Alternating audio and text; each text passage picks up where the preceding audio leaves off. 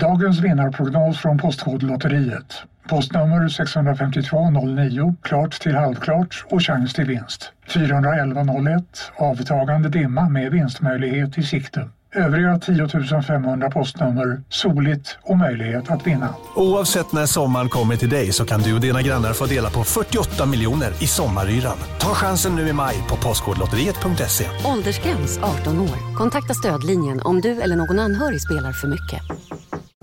En nyhet. Nu kan du teckna livförsäkring hos Trygg-Hansa. Den ger dina nära ersättning som kan användas på det sätt som hjälper bäst. En försäkring för dig och till de som älskar dig. Läs mer och teckna på trygghansa.se. Trygg Hansa. Trygghet för livet. Du lyssnar på en podd från Perfect Day. Här julas det ju på eh, mm. en hel del. Alltså den här helgen så har det allting går ju hela tiden liksom mellan kaos och vackert på något sätt när man har småbarn hemma. Ja. Man bara, åh vad fint det är.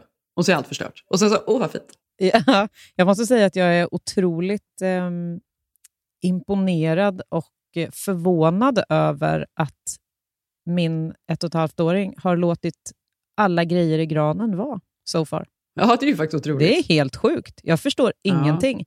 Vi, den kom ju där i onsdags, eh, som jag hade, liksom, under påtryckning hade jag fått beställa en gran. Och Då var jag helt övertygad om att så fort alla skulle börja klä den där så skulle han... För han, han är ju besatt av bollar. det är så roligt för det är ju maj också. ja. Man är helt besatt av bollar. Ja. Hon och Zeb sitter och kollar nu mer på, på fotbolls-VM eh, liksom, bara för att hon vill för att hon tycker det är kul med bollar. ja. Ruben står framför tvn och skriker mål! Fast, alltså bara så fort han ser en match. Och sen när han såg granen då med kulorna i så stod han bara ja, då var det storögt. Nej, då stod han storögt och skrek bolla, bolla, bolla. Ja. Ja. Men han har inte rört dem och det är väldigt, väldigt eh, märkligt faktiskt måste jag säga. Ja, det är det. Vi har ju inte hunnit sätta in våran gran än. Den eh, håller ju på att inhandlas as we speak. Zev är i vanlig ordning och väljer ut den. Han och mm. Maj åkte precis iväg här. Eh, det har ju rent historiskt varit lite så upp och ner med granarna som Zev har valt. Det har ju varit, antingen har den varit för liten, det var ju något år jag åkte och bytte granen. jag hade varit där och valt en gran ja. och så av någon, någon anledning så skulle han åka och hämta den, för jag vet inte, jag kunde kanske ta den på taket eller någonting. Och så när han kommer dit, då har de ju såklart sålt den där granen till någon annan, fast jag har betalat för den. Men får man inte sån här litet blått snöre typ runt granen, att här, den här är vald? Ja, jag vet. Gud vad sjukt. Det var ju helt sjukt. Hur kunde de? Det var någon som kom och erbjöd mer pengar. Jag tar den ja. för hundra spänn till. Han i alla fall fick ju någon annan gran som de då eh, sa såg likadan ut. Och det, det är också så otroligt. Jaha, det är klart den gör. Det är en gran. En gran är ju en gran, men det är ju inte såklart samma ändå. Den har ju samma form, då, men... Ja, men den saknade några grenar och den saknade framförallt en meter typ i längd för att den var ju, alltså den var ju en pyttegran. Så då fick, jag ju, då fick jag hoppa in i bilen, åkte tillbaka och skulle byta den här granen. Eh, de var ju jättesura för det var ju så mycket jobb att liksom binda på den här och ta av den och binda på den och jag var ju jättejobbig. Ja. Så fick jag ju någon annan gran hem och den var ju inte helt hundra heller. Och sen förra året då, då skulle han ju på något sätt köpa en ännu större gran då, en jättegran för att make up for eh, året innan. Ja. och den gick ju såklart inte ens in. Och det var ju så här, det var ju helt sjukt. Och varje gång något sånt här händer, att han ska fixa något, så har han något, jag vet inte ens vad det är, det är något så pyttelitet såg som nästan är som alltså, tandläkarborr ser ut som. Och sen så sätter han på liksom som en ring på toppen som är såget då. Jag vet inte vad man egentligen sågar det här med, det vet ju säkert någon som lyssnar. Men den skulle han då försöka såga av den här jättelika stammen med. Och du vet, det luktar ju som att det skulle bli skogsbrand i hela huset. Det bara rök om den här granen och bara och det var ju kaos alltihop. Eh, nej, det, var, det var ju katastrof. Och nu är han iväg igen då. Får vi se hur det går. Filade ner stammen Ja, det var typ timmar, det. Ja, det var i princip den. Ja, det tog typ timmar för honom att få av den. För det där såget var ju så litet också så det gick ju kanske bara två centimeter in i stammen. Så han fick ju liksom borra hela vägen runt eller liksom hålla på och såga hela vägen runt. Nej, det var helt katastrof. Men det är väldigt roligt för att alltså så här, jag uppskattar med honom väldigt mycket att han slänger sig in i saker och gör grejer bara. Förstår du vad jag menar? Mm. Att han, är så här, han kommer inte att tveka, han gör det bara. Ja. Det är ju ganska skönt istället för någon som bara, ah, jag gör det sen och sen så är det omständigt och det blir inte gjort så här. Han gör det ju bara. Och det är ju, så här, det är ju på gott och ont. För det är ju ofta det blir sådana projekt då. som inte är helt genomtänkta. Men eh, frågan är ju då, avslutar han? För att nu började jag tänka på det här när ni eh, eh skulle byta tv eller vad det var. Han Ja. bara blåste upp i sovrummet och började ta ner de här väggfästena. Ja. Och sen, sen Ja. blir det snett och lite konstigt. Men ja, eh, eh, vad ska man säga, avslutar han jobbet som han har påbörjat eller får man ringa in någon handyman till slut? Ja, det är ju både och. Liksom. Jo, fast vissa grejer avslutar han. Fast det blir ändå så här, även om då tvn sitter upp där, då är det ju ändå tusen skruvar och skit som Ja. ligger överallt som jag så sen måste komma upp och fixa i ordning. Han gör det, men han liksom gör ju inte alltihop. Men gör han också så att det sitter, fast kanske inte jättebra? Alltså förstår du? Så att tvn skulle kunna ramla ner eventuellt om 6 till 68 månader. Ja, men du vet, för vi bytte ju till en sån frame-tv som jag tycker är fin, för det ser ju mycket mer ut som liksom en tavla eh, snarare Ja. än en tv. För tv-apparater är ju det fulaste som finns tycker jag. Ja. men nödvändiga. Och då skulle vi byta till en frame där uppe och då var det så här, och det hölls på, du vet det här hölls på hela dagen och han skrek och han svor där uppe och man bara, "Ja, jag går inte upp för jag vill inte ens veta vad som händer. Och sen när jag väl kom upp och, han bara, och den satt där, han bara, ha! Nu! Och då var den ju sned, Johanna. alltså då var den ju sned. Och han bara, titta, han bara, jag tror inte den är det. Jag tror att taket är snett. För du vet, de är, taken är sneda. Jag bara, Nej, det är de inte. Det tror jag inte. Ja, han bara, då får någon annan komma och göra det. Jag bara, men åh, ja, okej. Men sen vet jag inte, den har liksom hängt till sig nu tycker jag. Så att, eller så har jag bara, så jag orkar inte så att jag har gett upp.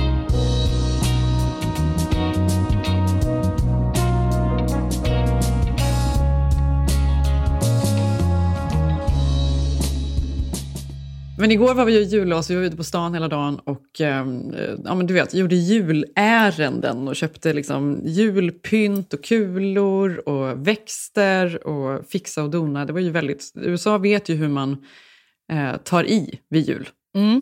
Jag, jag måste bara få eh, lägga in en eh, grej där som jag har tänkt mycket på. Eh, det här Mm. med just julpyntet, som jag Ja. tycker är fett jobbigt faktiskt. Ja. Alltså, man vill ju ha 100% jul. Alltså, Mm. och då vill, jag tänkte nämligen på det här om dagen när jag själv då skulle packa upp de här lådorna med 1480 tomtar som vi har fått från Ja. min mormor då, bland annat, exakt. Ja. som ska upp.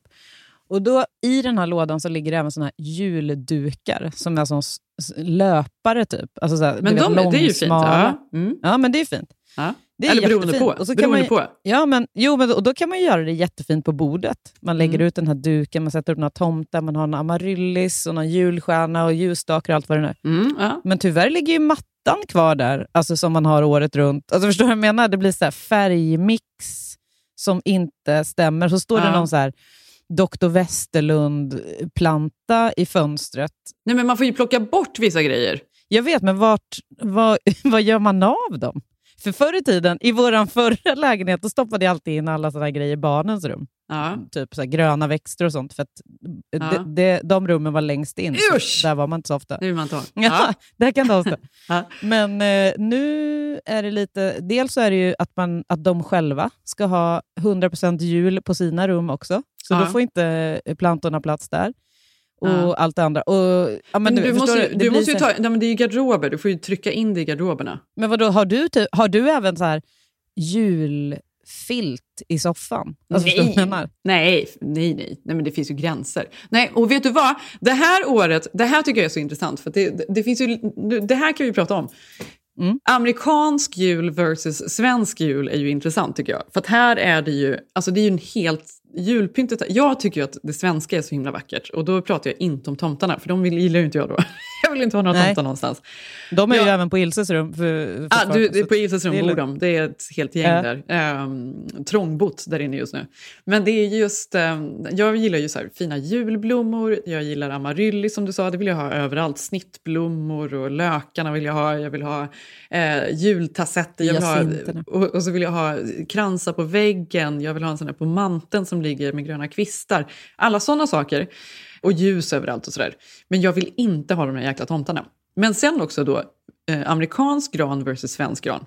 Jag gillar ju också svenska granar som är lite mer glesa. Att jag tycker det finns något, en sån här klassisk skogsgran i Sverige. Som är, alltså man kan urskilja de olika grenarna och så hänger man lite, ja men den är mer avskalad så att säga. Amerikanska granar, de är ju så tunga och tjocka med grenar så att det är ju helt sjukt. Och det tyckte jag var så fint, kommer jag ihåg när jag flyttade hit. Nu har jag, tycker Det går jag, ja, knappt typ att pynta dem, för att det är så, alltså för det finns man bara ingenstans att hänga på grejer. pyntet.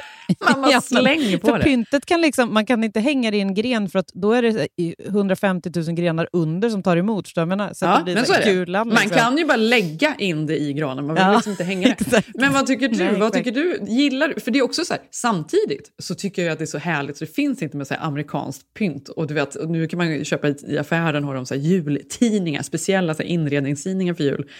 Med allt Ja. amerikanskt pynt. Och du vet, det är ju så full on. Och jag tycker att det är något så otroligt härligt med det också.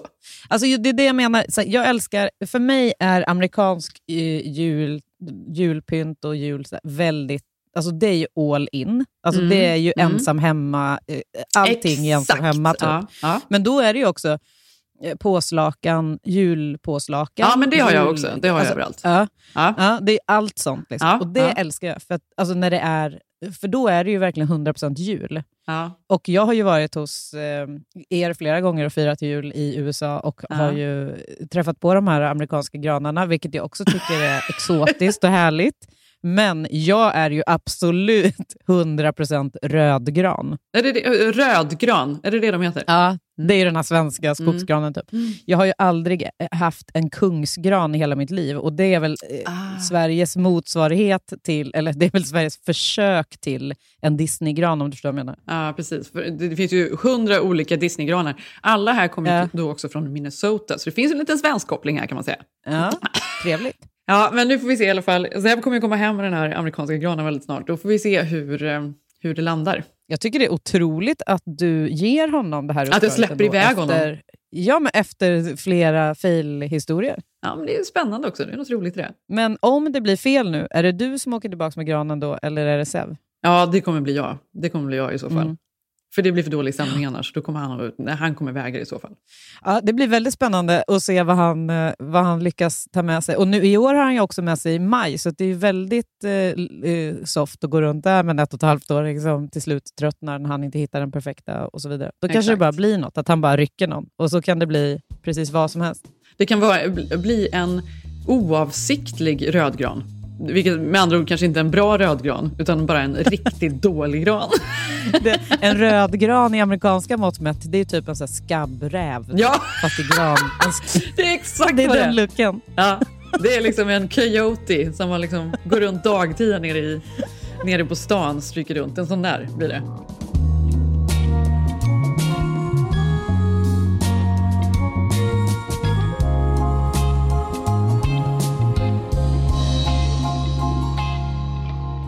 Men du, eh, speaking of Coyote, jag, också vill jag göra ett, ett till julinflik bara innan vi släpper det här. Ja. Eh, såg du den där Coyoten som eh, nabbade tag i någon tvååring här nu i, utanför LA någonstans? Vad heter det? Woodhill? Jag vet inte vart det ligger Aha. någonstans. Gud, ingen aning. Det finns många ställen. Ja, Ja. nej, men då, det Ja, gör de jag ibland. Det gör de ibland. Nej. Familjen höll på att packa ur bi, alltså bagageluckan typ. Och den kommer fram. Alltså, du vet, det var fyra pers där som stod runt bilen och den här tvååringen gick runt där. Och då bara tog den tag i benet och började slita bort den. Hur Aha. obehagligt? Nej, det är obehagligt. Det gör de ju inte. Alltså, de stryker ju runt här alltså, ganska ofta. När man är ute och går på kvällarna så är de ju här. Du, du vet när min pappa var här hur rädd han var för coyotes. alltså det var så roligt. Jag vet inte vad som hände med honom, men det här var ju förra julen. Han eh, var ju ute och gick med Roffe på kvällarna och då eh, eh sprang han ju på coyotes några gånger, alltså prärievargar då. Och på kvällstid så är det ju liksom, ja men fine, då springer de runt där ute. Men man vet att om de är här på dagtid ute och springer, då är de ju ofta sjuka, för det ska de ju inte göra. Och de ska ju inte eh, vara så oskygga som de är. De kan ju ha rabies då. Obehagligt att få sig ett bett av en rabies-coyote. Ja, det vore ju väldigt obehagligt. Ehm, ja. Då, är det, då, då är det 100% godnatt Ja. om du får ett rabiesbett. Det vet du. ja. Det går inte att bota. Men dör man direkt eller tar det ett tag? Det tar två veckor ungefär. Ja, alltså innan man är död. alltså. Mm. Men det, är ju, alltså det som är så obehagligt med rabies är att det är en ångest. eh, Alltså du får sån svår ångest. Aha. För att det, kallas ju för vattuskräck eller sånt där. Man får så svårt att svälja så att det känns som att man eh, drunknar typ. Alltså, Johanna, det här är så roligt. Alltså, du är så jävla snabb ner i de svarta hålen alltid. Ja, jag vet. Men vet du, varför jag, vet du varför jag har läst på om rabies då? Nej. För att det var inte så länge sedan. Kanske, nu har jag väldigt dålig tidsuppfattning har jag insett. För att jag tänker att allting var för ett år sedan och så visade det sig att det var åtta år sedan. Men Ja. två då säger jag. Var det en norsk, ganska ung tjej som var i typ, Thailand? jag tror inte att det var Thailand, men liksom något eh, så här, Asienland. Och så Ja. hade hon hittat någon eh, jättegullig hundvalp som hon tyckte. Som hon Ja. hade klappat och hållit på med. Och den hade så här, Nafsat. be- bitit, li- ja, nafsat lite med såna här valptänder på hennes hand. Så hon ju fått något litet sår. Och den hade ju rabies. Och hon var sjuksköterska själv tror jag. Så att hon hade väl eh, snabbt ändå börjat tänka att shit, hoppas ni inte har rabies typ. Och sen hade hon kommit hem till eh, Oslo. Och sen var det godnatt. Nej men sluta! Men alltså, Johanna. Alltså, Jo, det var det. Hon blev jättesjuk Ja, men och just dog. det, sen var det godnatt. Vad fan! Oh, ja, ja. Ja, det, ja. Ja. Och då började jag ju gräva i det här rabieshålet och kände bara, Alltså, fan vad vidrigt. nej, men att du och gräver i de olika mörka hålen på kvällarna, det är faktiskt... Alltså det är ju hemskt. Det är också för roligt. Också att jag gör det precis innan jag ska gå och lägga mig och sen bara, ja, Ja. ja, nu har jag läst klart om det. Då stänger jag ögonen och så. Så ligger du där vaken. Fast det är ju det man gör. Alltså, Nej, jag somnar ju på en sekund. Ja, du det gör jag ju det. Ja, det är ju ännu sjukare. För jag gör ju inte det. det är så här, jag, jag såg någon meme, jag tror, jag tror att du kommenterade på den, jag la upp på min Instagram, som var så här, åh, dags att lägga sig, vad skönt, internet, Ja. eh, kolon. Ska du läsa något riktigt obehagligt först? Jag, självklart! För exakt så är det varje kväll man lägger sig. Man bara, åh, så mysigt att lägga sig. Ja, nu ska vi se, oj, nu är det någon som har dött där. Ska vi klicka in där och se hur den har dött? Och nej, och herregud, och hade den familj? Och så börjar man, och så går man rakt ner bara och det är kolsvart. Och sen så ligger jag ju där och bara plirar ut i mörkret. Ja. Men du som Ja, det, det, men där, är det, där skiljer du och jag oss åt. Det har vi pratat om. ja, vi. För där är det bara för mig att stänga på ögonlocken och sen insomning på fem sekunder. Så, det är faktiskt helt sjukt. För samtidigt så är du så upprörd över det och känner det ju så mycket. Jag vet. Det är inte så att jag inte bryr mig om det, men det är bara att jag känner så här, nej, nu är det dags att sova och då gör jag det. Slight psycho. Ja. Det är därför jag också, min son delar ju detta med mig, alltså Julian. Ja. Han har ju en insomning på, på riktigt under fem sekunder. Ja, fast han är ju för sig otroligt rädd för, för uh, att läsa. Han, han ska, bör inte läsa sånt där. Nej, det ska han inte göra, för då blir det många frågor innan han stänger ögonen.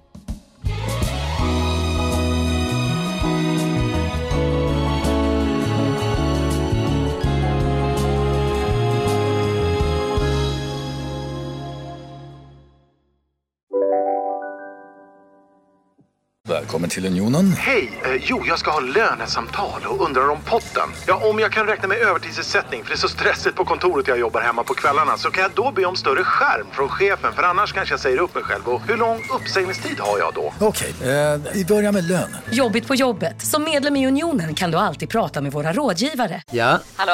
Pizzeria Grandiosa? Jag vill ha en Grandiosa capriciosa och en pepperoni. haha, något mer?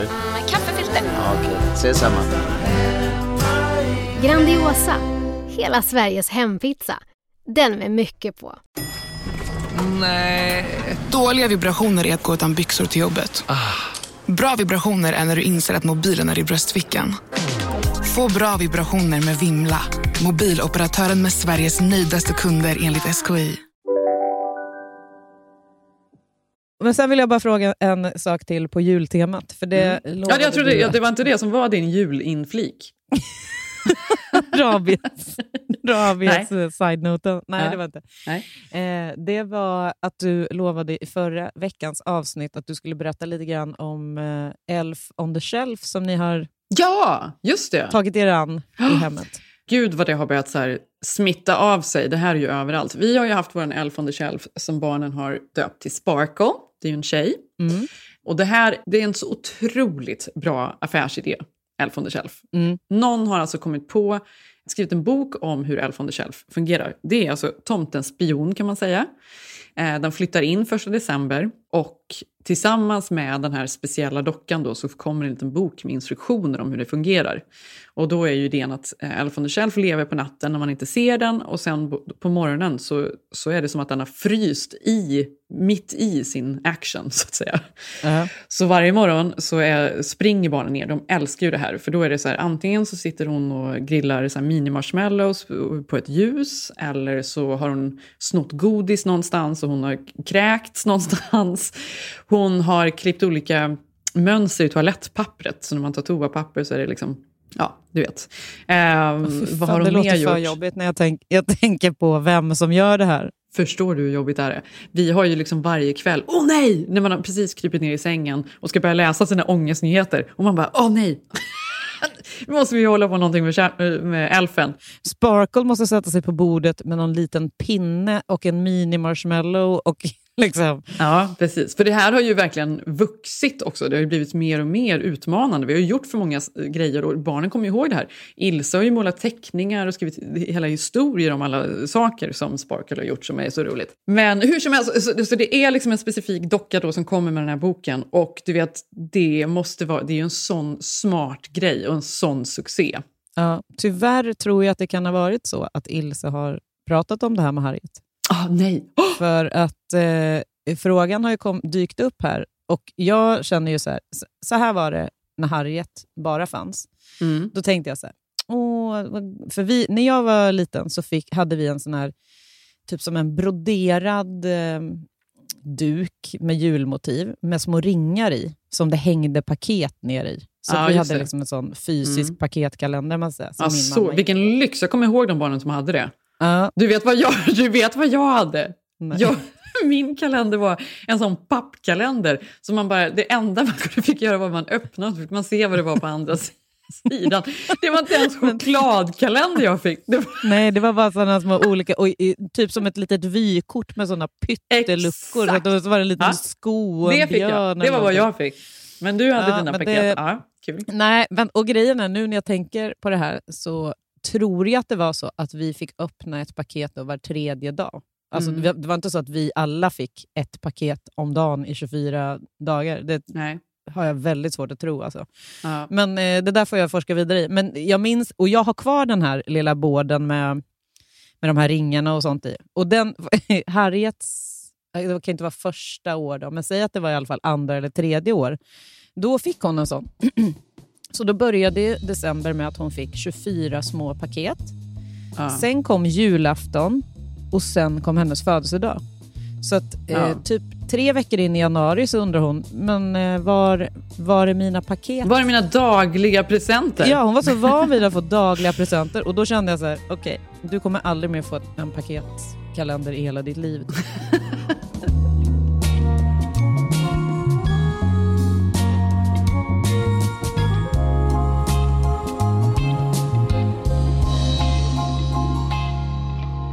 Men jag tänker komma tillbaka lite till det här med bra här, affärsidéer sen. Då kan man ju tänka där på Elf on the Shelf som väldigt smart. Mm. Men innan dess så måste vi ju ändå bara här, snudda vid Kanye, eller Jay. Ja. Alltså vad, vad vad fan det är som pågår. Ja, men Kanye West var ju då med i veckan i Alex Jones Infowars. Jag vet inte om du vet vem Alex Jones är? Eh, nej. Inte mm. direkt. Jag sa ju det till dig um, i vår första podd tror jag. Jag försöker ju undvika Kanye West så mycket som möjligt. För att, uh, det, det är sjukt nog ett mörkerhål som jag inte orkar riktigt grotta ner mig i. Men det går ju inte för att jag får ju hela tiden uh, mess och så vidare från andra kompisar som följer honom som undrar vad, som vad händer här. Vad är det som händer? Ja. Ja, men jag, alltså, det, det, är ju någonting som bara är så här, snarare än att jag bryr mig om Kanye West så känner jag bara att tiden är så sjukt ur led. Men jag vet inte. Ja. Det kanske bara är för att man hör om just de här sakerna. Den kanske inte är så ur led, vad vet jag, ingen aning. Nej men Alex Jones då är en konspiratoriker, han är ju en galen liksom, högergalning som han blev ju precis nu då fälld för att han har ju pratat om Sandy Hook, eh, den här hemska skolskjutningen ah, som just var. Det, just det. Eh, och sagt att den inte hände på riktigt. Och, och, alltså, olika konspirationer som är så fruktansvärt sjuka. Och det här blev, ledde ju till att föräldrarna till några av eh, de här barnen som dog anmälde honom eller stämde honom och han blev ju fälld och betalar 1,5 miljarder dollar nu. Så han Oh. har ansökt om eh, eh, konkurs eh, för att han kommer inte kunna betala de här pengarna då till de här stackars familjerna. Men han är en helt genomvidrig människa helt enkelt. Ja. Han har en podcast som är väldigt stor och så har han väl någon hemsida också där han sprider sina konspirationer och liksom lögner som heter Infowars. Och i hans podcast i veckan så var Kanye West då gäst. Mm. Jag vet inte om Vilken, vilken kanonduo. Ja, men jag tänker, alltså Jakob får gärna lägga in lite klipp från den här intervjun, för det är liksom så tokigt, man, först, man förstår inte vad som händer. I'm the head of the Mossad. I'm gonna kill you and take the children away from you. Every human being has something of value that they brought to the table, especially Hitler. This is the um, future president you're talking to right now. I love Jewish people, but I also love Nazis. Germans had a really cool leader at one time. Love you, love you, love you. There's a lot of things that I love about Hitler. Well, I think Hitler did target and kill some people. So I think, you know. I think Obama killed Palestinians. You're, you're, you, this is a new look for you. Oh no, I've been wearing a mask for a while. Ah. Yeah. Och då, nu då så lyssnar vi bara på klippen, men om man hade sett det också då samtidigt så hade man kanske blivit ännu mer chockad. För han sitter som en svart strumpa över huvudet. Ja. Ehm, och så har han då... Det, och det är hans nya look va? Alltså det är så han ja. glider runt, är det inte så? Eller? Ja, ja, jag vet inte om han glider runt så, men han, fram och tillbaka har han ju haft på sig den här strumpan i alla fall. Det är väldigt oklart varför. Ah, eller är det där en förlängning av liksom Balenciaga och att Kim Kardashian såg ju ut så på Met-galan, om du minns. Ja. Hon bara kom i en Ja. svart, helt svart strumpa, det var väl förra året. Ja. Men det som är, han är ju liksom helt tokig i den här intervjun. Då, delvis då, så försöker ju till och med Alex Jones nästan eh, rädda honom och säga att "Ja, men du, de pratar ju så mycket skit, du är ju inte egentligen eh, nazist. Och du älskar ju inte nazisterna egentligen. och han bara, "Ja, jag älskar nazisterna. Jag älskar The Hitler. Nazis Alltså, did good things too, eller något sånt där. Ja, nej, han alltså- ska ju prata då om, eh, om eh, att eh, Hitler gjorde vägar och allt vad det nu var. Och sen utöver det här då så är det också något klipp som har florerat när han då imiterar Netanyahu och har, han sitter och viftar då, han har gjort en, han har ett nät, nät, och så har han så här Yahoo Milk, det är så här, alltså chokladmjölk man dricker, och det är net and Yao, förstår du? Liten rebus. Ja. Han sitter där och försöker härma. Alltså det, är, ja, det är ju helt jävla tokigt allting. Ja. Och då tänker jag på, och, och veckan innan det så var han ju då på middag med Donald Trump på Donald Trumps eh, ställe där nere i, eh, vad det nu heter, Mar-a-Lago eller vad det är. Tillsammans med en annan högerextrem galning och satt de åt middag och Donald Trump är ju också, du vet, det är, man bara känner så här, gud det är så jäkla sjukt att de här krafterna finns, att de här människorna finns, eller? Det är jätteobehagligt såklart. Men ska han... ehm, Alltså, för han har väl varit med eh, som någon slags ehm, president... Ja, han kampanjar ju eh, då, det var ju ingen som röstade på honom. Och det, det är ju ingen som Nej. kommer rösta på honom nu heller.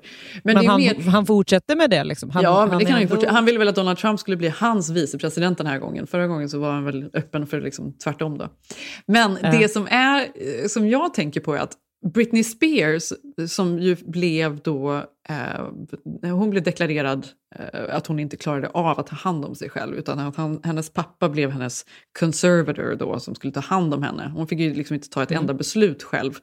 Eh, hon fick Nej. inte ta beslut om sin egen medicinering, läkare, pengar, arbete, familj, alltså ingenting. För att hon då var farlig på något sätt. När ska de göra det med Kanye West? När ska Kanye Wests PT bli hans förmyndare? Ja, eller, eller tänker jag, skulle det kunna bli, för jag, då satt jag och funderade på det. Eller blir det så att Chris Jenner kliver in och blir hans cons- conservator? Ja. Men skulle hon göra ett bra jobb? Ja, men hon skulle Tveksamt. Tror du så här, tving, hon skulle väl liksom då, då skulle han bli tvingad ut på turné och göra musik och så här. Och så, så skulle hon ju säkert få honom att dansa runt på TikTok hela tiden, bara sociala medier. Ja, det är sant i och för sig. Dance Kanye! Det saknas fyra klipp på TikTok idag. In och jobba. Ja, exakt så. Ja. Men eh, det är också så sjukt att det då är, för jag tror att det var Howard Stern som pratade om det där för många, alltså för jättelänge sedan, på tal om då Britney Spears, innan hon blev frigiven, om man nu ska säga så. Eh, att det är så många så här män historiskt som har varit helt koko panocco, men som inte har blivit satta under någon sorts förmyndarskap. Men Britney blev det. Det är ju intressant, Mm. eller? Men, men eh, hade Kanye blivit det om han hade varit lika gammal som Britney när hon blev det? Nej, det har ju inte, det har inte med ålder att göra. Det är ju Nej. att man är en fara för sig själv eller för andra och sådär. Och det kan man väl ändå hävda egentligen att Kanye verkligen är nu. Om Kanye skulle bli, liksom, om han skulle få en förmyndare, vem skulle så här... PTn, det är faktiskt för roligt. Ja, PTn och Chris. Men skulle de då så skicka in till någon domstol och så skulle det sitta någon domare där som skulle avgöra att ja, han, nu börjar han bli riktigt liksom, allvarligt Ja, exakt så är det väl. Ja, man man måste väl gå någon, någon väg då som gör att man... Ska vi testa? Ska du ta över? Du, du tar över Kanye. Hello, my name is Joanna. I live in Sweden. I've noticed that Kanye West is uh, acting very strange lately. Exakt. Men ändå, nej men det är väl det mest roliga är väl kanske den här PTn då.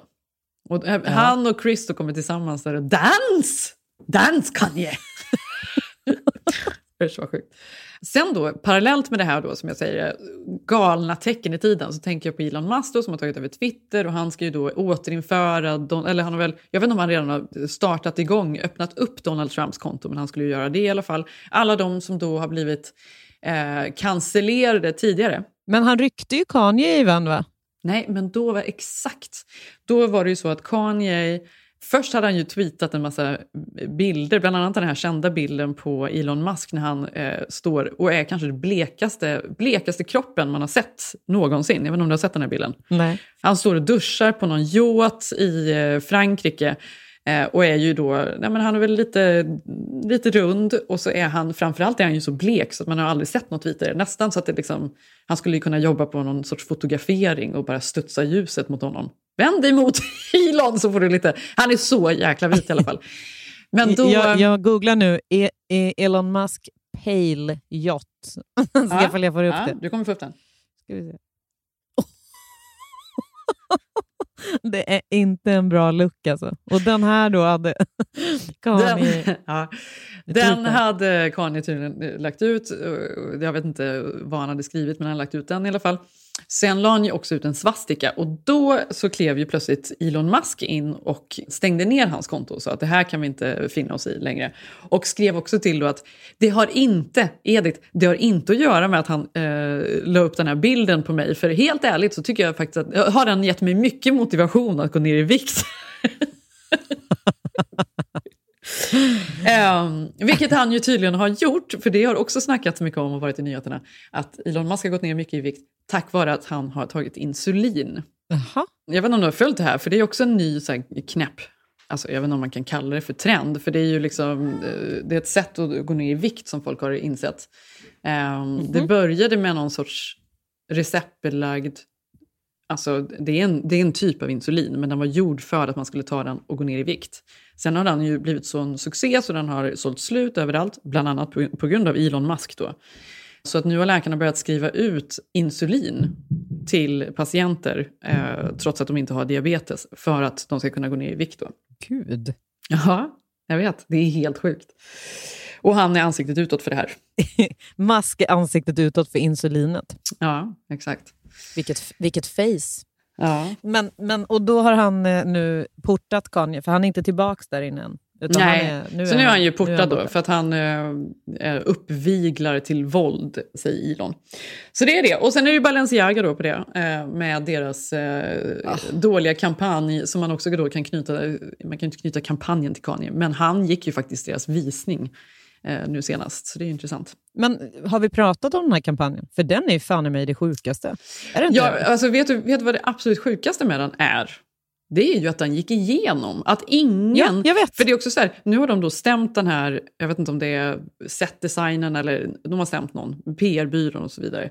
Som att det är deras fel. Alltså nu vet ju jag, jag vet ju när Zev plåtar liksom kampanjer för märken som inte är Balenciaga, så att säga. Och hur, vilken process det är med de här bolagen. Alltså det är så många godkänningsprocesser och så mycket liksom pappersarbete och, och det ska upp i hela liksom den här stegen upp i företaget ska det godkännas innan man kan göra minsta lilla ändring eller göra någonting alls. Så det är klart att de var ju 100% med på det här. Alla har sett den här bilden, alla har godkänt den här bilden, har gått igenom alla de här leden och ändå så släpptes det och nu är det som att de bara så här, vi hade ingen aning. den bara kom. Jag, och jag, för grejen alltså, jag fattade inte för att alla sådana här stora bolag har ju också så corporate value, liksom, ja, bla bla bla. Du vet, så här, hur, man ska, hur, ska man, hur ska man synas utåt? Hur ska man bete sig mm. inom, alltså, inom företagskulturen och hej och så. Att ingen har känt, hmm, det här kommer nog inte bli så bra. Nej, för det, nej. inte, det kan ju inte heller vara så här, ah, det är ett PR-trick. Men det sam, nej, det, PR. nej, det är klart att det inte är ett PR-trick.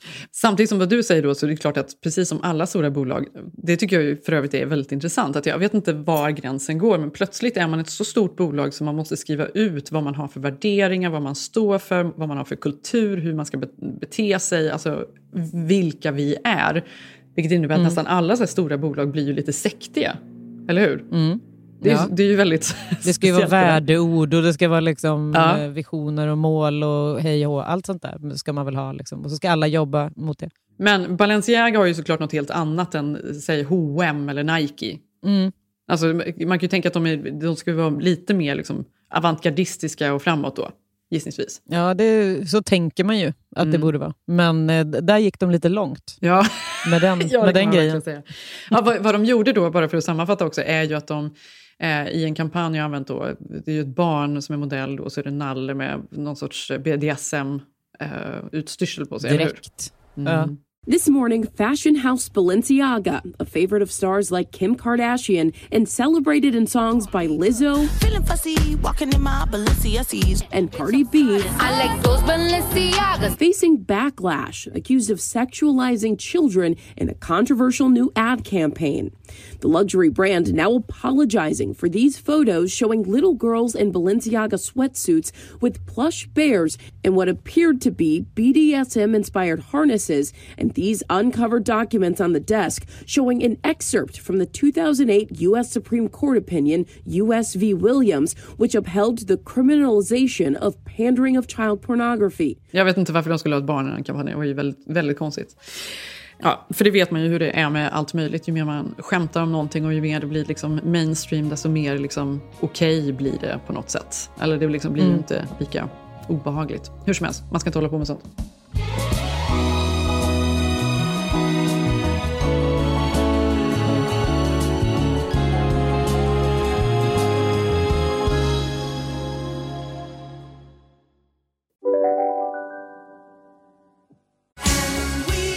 Just nu till alla hemmafixare som gillar julast låga priser. En slangvinda från Gardena på 20 meter för vattentäta 499 kronor. Inget kan stoppa dig nu. Om en sous på väg till dig för att du hörde en kollega prata om det och du råkade ljuga om att du också hade en och att den var så himla bra att maten blev så otroligt god och innan du visste ordet av hade du bjudit hem kollegan på middag nästa helg för att du sålt in din lågtempererade stek så bra att du var tvungen att beställa en på nätet fort som attan. Och ja! Då finns det i alla fall flera smarta sätt att beställa hem din sous på. Som till våra paketboxar, placerade på en plats nära dig och tillgängliga dygnet runt. Hälsningar Postnord. Nu ska du få höra från butikscheferna i våra 200 varuhus i Norden. Samtidigt. Hej! Hej! Tack. Jo, för att med så många varuhus kan vi köpa kvalitetsvaror i jättevolymer. Det blir billigare så. Byggmax. Var smart. Handla billigt.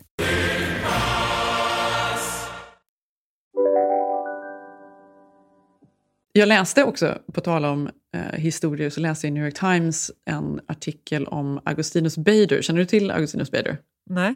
Du har ju säkert sett. Eh, det är krämer, de kommer i blåa flaskor och burkar med någon sorts eh, metalllock och, och detaljer på. Augustin, vad heter det? Augustinus Bader heter det. Det har ju blivit hur stort som helst de senaste åren. Det liksom smög in, kanske för, jag har ingen aning, säg fem år sedan eller något sånt där. Då lanserade de sin The Cream som de hade då. Och detta kom från en schweizisk, eh, jag vet inte, läkare eller forskare då som hette Augustinus Beirer som hade, arbetade med brandoffer och sådär som har varit med om svåra brännskador och sådär. Och han arbetade med det och hade tagit fram den här speciella formulationen av kräm då som läkte och som då dessutom hjälpte till mot rynkor och så vidare. Och detta blev en jättehit. Och på tal om att eh, man då tipsar varandra och, och det är någon som känner sig liksom lite speciell då. Det var exakt så de började lansera den här produkten tydligen i USA. Mhm. De gav det som, eh, han gav liksom lite olika testers till olika liksom människor och sen så började de ge det sinsemellan. Och plötsligt så hade Courtney Cox börjat testa det. Nu är ju inte hon något jättebra ansikte utåt för just Agostinus Bader, tänker jag. Helt ärligt talat, så var det det sämsta facet. Ja, men, eh, men eh, hon blev jätteintresserad och tyckte den var helt fantastisk. Men det tyckte ju även Brad Pitt. Brad Pitt har ju precis lanserat sitt eget skönhetsmärke, det vet du? Mhm, nej, det visste jag inte. Jo, jo, han har ett eget skönhetsmärke. Som då är... Vad heter det? Det heter Le Domaine. Mhm. Eh, Le Domaine, säger man säkert på engelska. Det är då genderless. Det är liksom inte för män eller kvinnor, utan det är för både män och kvinnor. Då. Och roligt att den första här som jag läser är Dazed har skrivit The beauty industry begs Brad Pitt to shutter his boring skincare brand. jag tror att Oh, detta no. har blivit på något sätt eh, kom upp då i och med att han håller på med sin vingård där i Frankrike. Så jag tror att det innehåller massa så här druvextrakt och grejer. Jag vet inte. Den vingården som han numera deläger med någon... Men med någon Eh, ryss, ja. ja, exakt. Ofrivilligt. ja. Men eh, nej, hur som helst så eh, hade de då, alla fick upp ögonen för den här Augustinus Bader och den här krämen som var helt otrolig och då började de eh, helt enkelt ha lite luncher då. Så han var ju, och, åkte till Hollywood, den här schweiziske läkaren och liksom åt lunch med Brad Pitt och han åt lunch med Courtney Cox och liksom höger och vänster, det var olika kändisar och rika människor och det var väl Gwyneth Paltrow också gissar jag. Och alla tyckte att det var helt otroligt. Så jag tror att Courtney Cox är ju delägare nu. Hon köpte in sig på några procent. Jag vet inte, Brad verkar ju då ha gjort sin egen där, La Domaine, eller Le Domaine. Så han eh, hoppar väl det här då.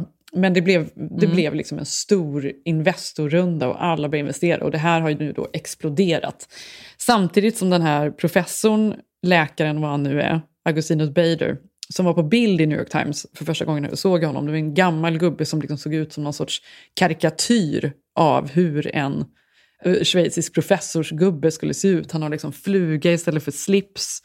Han, har, eh, han är gammal, vitt hår. Han ser inte ut som någon som då jobbar med beautyprodukter utan han ser ut som någon då som man verkligen kan ha förtroende för som jobbar då med de här Ja. brandoffren eh, och sådär. Mm. Så han kunde ju verkligen spela den här eh, rollen. Men samtidigt då som hans klinik då som inte ligger i Schweiz faktiskt, förlåt, den ligger i Leipzig i Tyskland. ehm, inte riktigt vill säga vad den gör egentligen utan det verkar ju vara då, jag vet inte om det är brandoffer längre ens utan nu är det väldigt mycket rejuvenation, alltså att föryngring och sådär. Han jobbar väldigt mycket med stamceller. Men de vill inte säga specifikt vad det är för exotiska behandlingar de gör. Man kan betala jättemycket pengar för att åka dit och, och besöka den här kliniken. Så har produkterna ingenting att göra med behandlingarna de gör där, utan det här är liksom någonting separat då. Det är inga stamceller i dem och så vidare. Men det, det är liksom som en stor bara så här, väldigt bra historia om den här läkaren som har den här kliniken. Man vet inte ens vad som händer där. Det är bara otroliga saker. De bara åker dit och bara, man kommer ut som ett barn igen, på nytt född. Eh, bla, bla, bla, bla, bla. Ja, det är klart att folk köper då krämer för 3000 kronor ur burken. Ja, för det är dyrt ja. Ja, det är så dyrt alltså. Har du testat? Jag har testat. Är det veckans beautytips? Ja. Grejen är den att men jag har ju testat, för de, man får ju tester och sådär. De skickar ju till journalister och så vidare för får ju alltid prova produkter och sådär. Så då har jag haft, eh, fått testa alla möjliga, både så här kroppskrämen och the cream för ansiktet och deras serum och sådär.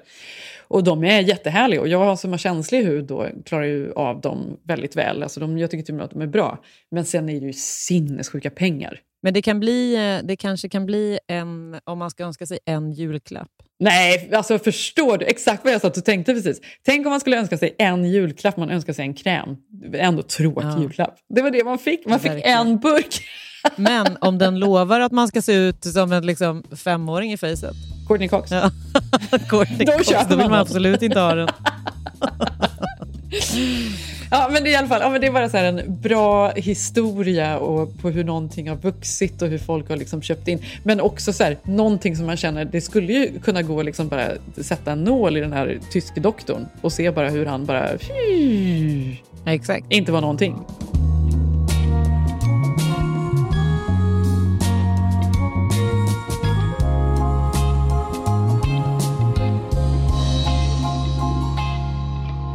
För övrigt så tänkte jag på, på tal om eh, värderingar och eh, bolag och kulturer och allt vad det nu är.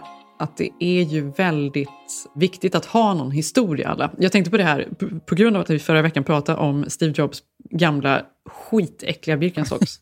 Som jag för övrigt verkligen har försökt googla upp vem Jag också! Jag vet inte. Men jag har inte hittat något. Du har hittat ingenting heller. Det enda jag hittade var att Birkenstock, märket, tydligen har köpts av eh, LVMH. Alltså Louis Vuitton, alltså de som äger alla. Så, Ja. Men det var ju, det var Ja. ju helt ointressant egentligen. nu är de med i den gruppen. Men jag vet inte vem som köpte de här specifika skorna. Men man, jag tror ju inte att det är en privatperson, det kan jag inte tänka mig. Eller så är det typ Amazon-grundaren, fast varför skulle han göra det? Jeff Bezos. Du vet att han har en sån samling med skit, jättekonstiga saker.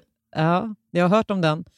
Men eh, jag är jättenyfiken på vem det är som har köpt de här. Så jag hoppas att det kommer komma fram at some point. Ja, men för jag tror ju att det är säkert någon som vill ha någon tydligt budskap då i sitt nya liksom, bolag. Att vi jobbar på det här sättet eller så här, vi går i hans... Det här är en inspiration för oss eller I don't know. Ja. För det är ju så otroligt viktigt. Jag tänkte på det. Hur storytelling, det liksom har ju blivit stort de senaste åren. Alltså bolag, vad de står för och vilka de är och vad de har för värderingar. Att man faktiskt verkligen tänker på det när man konsumerar numera. Eller jag gör det i alla fall. Gör du det? Ja, det tror jag. Men jag, har ju, jag är ju i och för sig en dålig person att eh, fråga, för att jag, jag är ju för dålig på att konsumera. Framförallt kläder är jag ju jättedålig konsument. Fast då är ju du en bra konsument. Beror på hur man ser på det. Exakt. Ja, exakt. För det är väl det som är en bra konsument nu, får man säga. Men jag har ju svårt, alltså för att eh, återkomma till eh, förra veckans avsnitt också, det här med att handla på reor och sånt. Det, Ja. det ger inte mig någonting. För det, det är för mig, rea och allt sånt här, åh nu är det billigt. Det är bara, så här, det är bara konsumtionshets. Förstår du? Ja. Då Nej, köper men jag jag med. mycket hellre något pissedyrt som jag har i 25 år. Exakt, och det gör jag också. Men jag tycker så här att jag finner mig själv mycket, mycket oftare köpa... Eller jag handlar ju mycket online framförallt. Mm. Jag handlar typ aldrig i butiker längre. Förutom på Black Friday, för då åker ni ut Ja, för fysiskt. då åker vi. När det är riktigt för jävligt, då ska vi ut och köpa barnens skor. Och då ska ni ut där. Men, eh, nej, men att jag sitter liksom på nätet och så, om det är något nytt jag liksom får upp ögonen för eller läser om eller vad det än är. Jag går nästan alltid in och läser företagets biografi där, about. Mm. Gör du det? Det skulle jag nog inte säga att jag har gjort. Nej, och för vi pratade om det här igår jag och Zev, att han gör ju inte heller det. Men jag gör ju Nej. nästan alltid det och då kommer jag på att det är konstigt. Jag har faktiskt inte har lagt upp någon på Moreno. jag tror jag borde göra det. Jag som Ja, det måste du läser. göra. Men att det liksom är viktigt vad det är för tanke bakom, varför det startades eller hur och sådär. Att man tycker om bra värderingar. Men sen också att man tycker om Mm. bra historier, alltså företag som liksom har startats på något sätt som är eh, intressant, som har någonting. Vilket jag tycker amerikaner har, varit väldigt bra på alltså överlag. Det är väldigt mycket här att det är så här, "Ah, men det här är min kompis eller det här är en väninna som bor. och Det här tipset fick jag av min väninna. Alla vill ha någonting som är specifikt och personligt som de har en eh, koppling till. Mm. Alltså istället för att köpa liksom mer bara vad alla andra har så ska det vara någonting som de har hittat. Liksom. Och så har de ju Ja. alltid varit och det tror jag har blivit mycket mer en trend. Ja, det stämmer säkert. eh, jo, eh, jag jag, jag ehm, försvann i tanken därför att eh, jag tänkte på... Det var exakt så där som, som vi höll på när vi var unga och som ledde mig in i musikbranschen. Det Mm. var just den här eh, att man ville hitta någonting, alltså att berätta för någon annan att man hade upptäckt. Förstår du? Ja. Inom musik. Och det var ju, på våran tid så var ju det svårare. Alltså för då var, det ju, Ja, då var du det ju var tvungen att liksom... ja, men det var ju massa olika hinder för att hitta saker. Nu finns ju allting online, allting finns på Spotify. Allting fin alltså förr i tiden så var Spellistor det lite av en... som... ja, Exakt. Vet du, man var speciell när man hittade en låt som, som var ny, typ, Ja. som ingen hade hört. Ja. Nu hittar man ju låtar ganska ofta tack vare att man lyssnar på så här chilling in the couch typ, på, eller Ja. någonting, på Spotify. Ja. Jaha, det här var en bra låt. Ja, exakt. Och de, den grejen blir inte lika eh, unik då, att dela med sig av, tycker jag. Alltså när det, när det är exakt det. Så här. För att, och då blir det också så att man, man har på någon slentrian-spellista i bakgrunden, så lägger man märke till en låt som man känner så här, ah, fan den här var riktigt bra. Men man Mm. deep-divar inte in mer i det, utan det är bara så här, ah, ja. Och så går livet vidare. Mm. Eh, istället för att förr i tiden så hade man ju varit så här, gud vad är det här för artist? Man hade liksom eh, läst på allt som fanns att läsa på om artisten. Exakt. Tänk vad mycket svårare det var att breaka förr. Eller är det svårare nu, just för att det finns så mycket kanske? Det är riktigt svårt att eh, bryta igenom bruset eh, nu. Men det var det ju såklart förr också, för att då var det ju, alltså, menar, det var ju svårt att marknadsföra sig. Ja. kan jag tänka mig, alltså back in the good old days. Ja. Och nu finns det ju så mycket, så att nu blir det ju mer så här, jag vet inte. Jag tycker det är jättekomplicerat. Men det är ju du som gör det här. Det är Ja, jag vet, kan. men det är ju jättesvårt. Men, men Ja. jag, jag har ett tydligt exempel faktiskt. Det kan vi ju ta och prata om nu. då. Mm. Och Det är ju Så mycket bättre, som Ja. ju går eh, för typ trettonde säsongen i rad. Mm. Och när jag började på RMB så signade jag en tjej som heter Maja Francis, som jag verkligen... Så här, jag, vi hade träffats många gånger innan och jag, jag älskade hennes personlighet. Det var den primärt jag föll för. Mm. Och Sen så visste jag att hon hade en otrolig röst. Mm. Men eh, då hade hon spelat in ett, en, nästan en hel platta med demos som, jag, som hon skickade till mig, som jag satt och åkte runt och lyssnade på i bilen. Och bara kände så här, åh, det här är så bra, jag älskar det, det är så otroligt bra. Men kände då så här, och vi har pratat mycket om det, att vad svårt det kommer bli att få ut den här musiken. För att det är inte Mm. traditionell radio, pop, eller, alltså förstår du? Det, fin, det finns ingen kommersiellt fack. Och hur får man ut någonting som inte låter som allt annat? Ja. Och då är ju Så mycket bättre ett sånt otroligt program för Alltså gillar man det formatet upptäcka. som, eh, alltså när man jobbar med musik? Och, hon blev ju hyllad för övrigt såg jag. Alltså, hon fick ju väldigt bra recensioner för sina tolkningar. Jag har inte sett programmet, jag följer det bara i media. Ja, nej, men hon har ju verkligen fått eh, nå ut till en bredare publik. Ja. Sen om man gillar det eller inte, men hon har blivit exponerad för den publiken. Och Ja. Det är ju väldigt härligt med det här programmet. Det var ju samma sak med Albin Lee Melda. Hon fick ju ett jättebreak genom Så mycket bättre. Det är ju jättemånga artister som fått Måns, Miriam Måns Bryant. och- Zelmerlöw. Måns Zelmerlöw är ju med där i år. Han... Eh, Han var med och försökte, han var med och försökte eh, visa lite paddel där, för han äger, var, inte det, liksom, var inte det marknadsföring? Ja, alltså jag måste ändå säga att jag är imponerad av att de år efter år, alltså det här är då trettonde året, Mm. som de gör det här formatet och där de ändå fortfarande hittar aktiviteter för alla de här artisterna att hålla på med. Alltså tänk, de är ju på Ja. Gotland. Det är Ja. ganska limiterad... Alltså man känner ju att allt borde ha, ha gjorts vid det här laget. Ja. Och din man var ju också med. Var det förra året? Ja, han var med förra året. Mm. Och Det tyckte jag var skitkul, för att där var det ju, fick ju också en helt ny publik lära känna eh, två bröder som jag har känt i många år, men Ja. som, och som kanske så närmsta kretsen i musiken har känt till. Men nu var det ju så här, det blir väldigt brett. Och det är ju väldigt kul alltså för oss som jobbar på skivbolagen också. För vi vet ju, vi vet ju vad artisterna har för potential i grunden. Men sen Ja. är det ju att nå ut genom bruset och det är ju fett svårt. Så är det Ja. bara. Men Så mycket bättre är liksom en del av din eh, alltså så här, vardag, eller något som du följer. Ja, det har ju varit det nu då, de två senaste åren eftersom jag har jobbat med eh, Gustav, Viktor och Maja. Men Mm. det är ju ingenting man kan ta... Alltså det är ju ganska svårt att få, in, få med artister i det programmet på grund av plattformen. Alltså, Ja. Alla vet ju att det är ett bra eh, ställe att synas i Ja, och höra sig. folkligt och, liksom, ja, och än en gång då så kanske det är liksom ett genuint tips. Då. Det är liksom inte bara en, en låt som liksom fladdrar förbi på någon random playlist. Nej, och det är också en del av den här storytellingen, för i det här programmet så hinner du lära känna artisterna, du hinner höra deras historia, du hinner känna för dem på ett annat sätt som du absolut inte gör för en låt i en spellista. Mm. Storytelling, det är allt. Det är allt. men, är det, men är det Maja Francis vi avslutar med helt enkelt? Det kommer vi gärna göra. Eh, jag tänker att vi ska lyssna på eh, hennes eh, otroliga tolkning av Lasse Stefans Remember Me. Mm. Och Jag vill bara också eh, poängtera att eh, musiktipsen, i alla fall inte från mig, kommer inte vara alltid de senaste låtarna, utan det kommer vara lite eh, från all over the place. Alltså inte bara senaste singlarna. När jag tipsar kommer det bara att vara Marshmello.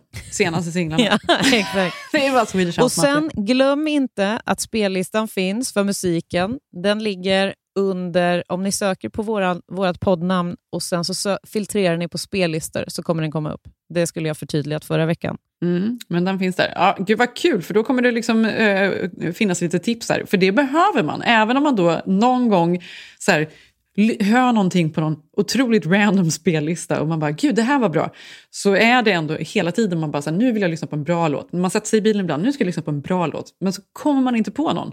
Men då går man in på vår spellista och där finns de! Precis. ja, det är bra. Och den kommer ju, eh, eh, med tidens gång så kommer den ju bli lite mer fyllig. Den är mm. lite fattig i dagsläget, men så är mm. det. Mm. Den är bara tre, tre avsnitt in. Ja, precis. Men den kommer bli, den kommer bli hundra, hundratals. Never ja. story. Never ending story. Ja, exakt så blir det. Men, eh, ja, men då ska jag sätta mig och fila lite på Morenos about-profil då. Ja, det måste Mm. du göra. Mm. Där finns det mycket härliga grejer att skriva ju. Så Ja. att, eh, det ser vi fram emot och trycka in, klicka in oss på inom Ja. kort. Och, om man, och jag ska också säga, är det så att man bor i eh, LA, och då kan man titta förbi, eh, i Silver Lake är det en marknad på skolan eh, Ivanhoe nästa lördag. Eller på lördag då, när det, podden släpps eh, den här veckan. Och då kommer Moreno så säljas där. Nu önskar jag ju själv att jag var i LA så jag hade kunnat svänga förbi. Ja, det hade jag också önskat. Så kunde jag liksom få en paus. Kan du ta över ibland? ja, ja, just det. Det hade varit kul att stå där. Ja, eller hur? Vi hörs nästa vecka. Ni kan följa oss på Instagram på Keeping Up Jenny Johanna. Där har faktiskt den börjat bli uppdateras. Ja. kan man följa. Ja, och jag heter Jenny Ham. Och jag heter Johanna Noren understreck. Mm. Vi ses nästa vecka. Puss puss! Puss! When all our tears have reached the sea A part of you will live in me Way down inside my heart. You